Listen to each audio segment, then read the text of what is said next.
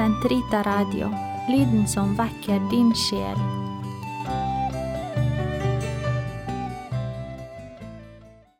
Den katolske kirkes katekisme, uke 32, 554-560. Forklarelsen En forsmak på himlenes rike.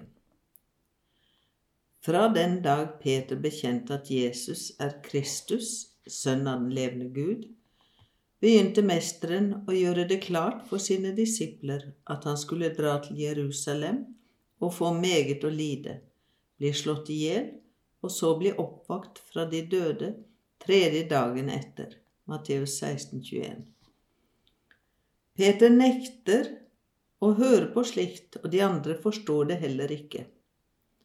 Er i denne sammenhengen den gåtefulle hendelsen med Jesu forklarelse på berget står, i nærvær av tre vitner han selv hadde valgt, Peter, Jakob og Johannes. Jesu ansikt og hans klær stråler av lys. Moses og Elias trer frem og talte om hans bortgang, om den skjebne han snart skulle få i Jerusalem. Lukas 9, 31. En sky dekket dem, og en røst lyder fra himmelen som sier, Dette er min sønn den utvalgte, lytt til ham. Lukas 9, 35. I et glimt viser Jesus sin guddomsglans og bekrefter Peters bekjennelse. Men han viser også at for å gå inn i sin herlighet, Lukas 24, 26, går veien om korset i Jerusalem. Moses og Elias hadde sett Guds herlighet på fjellet. Loven og profetene hadde forutsagt at Messias måtte lide. Jesu lidelse stemmer overens med Faderens vilje. Sønnen handler som Guds tjener. Skyen viser til at Den hellige ånd er til stede. Hele treenigheten trådte frem, Faderen i røsten, Sønnen i mannen, Ånden i den lys lysende sky. Du forvandlet deg på berget, og etter evne skuet dine disipler din herlighet. Å Kristus Gud, slik at når de så deg korsfestet, ville de forstå at din lidelse var frivillig og kunne forkynne for verden at du i sannhet er Faderens avglans. Dåpen finner sted på terskelen til det offentlige virke, forklarelsen på terskelen til påsken.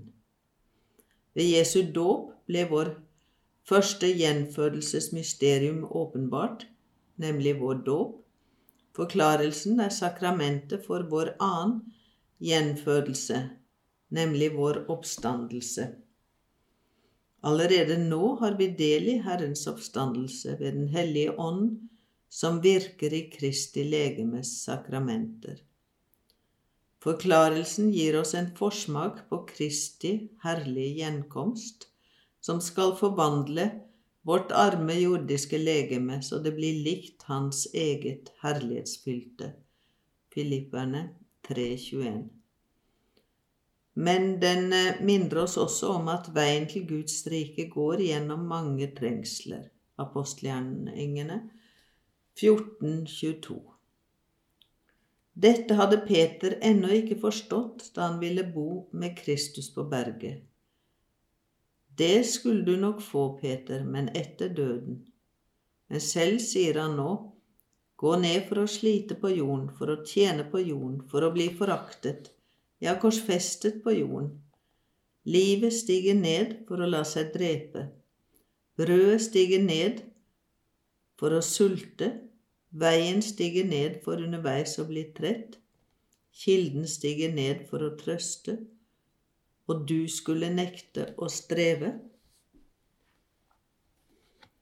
Jesus går opp til Jerusalem. Da det led mot den tid da han skulle tas bort fra denne verden, styrte han uten å nøle sine skritt mot Jerusalem. Lukas 9, 51. Ved å fatte en slik beslutning ville Jesus vise at han dro opp til Jerusalem beredt til å dø der. Tre ganger hadde han forutsagt sin lidelse og oppstandelse. På vei mot Jerusalem sa han, det går ikke an at en profet finner døden andre steder enn i Jerusalem. Lukas 13, 33.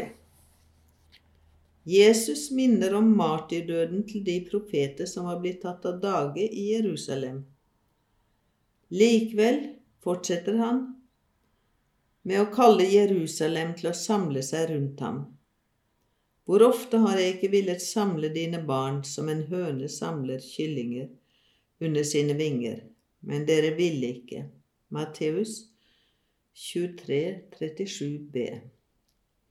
Når Jerusalem dukker opp i synsranden, gråter han over byen og sier enda en gang hva hans hjerte lengter etter. Om bare også du i dag hadde forstått hva som tjener til din fred. Men nei, det er skjult for dine øyne.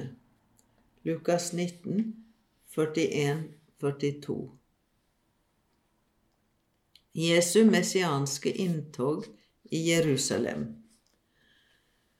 Hvordan kommer så Jerusalem til å ta imot sin Messias?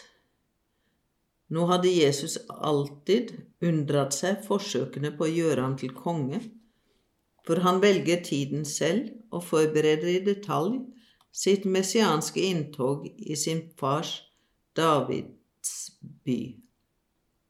Lukas 1, 32. Han tiljubles som Davids sønn, som den som bringer frelse. Hosanna betyr frels da, gi frelse.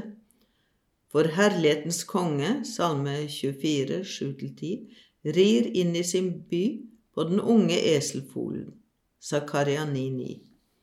Han inntar Sions datter, bildet på hans kirke, ikke med list eller vold, men med den ydmykhet som vitner om sannheten.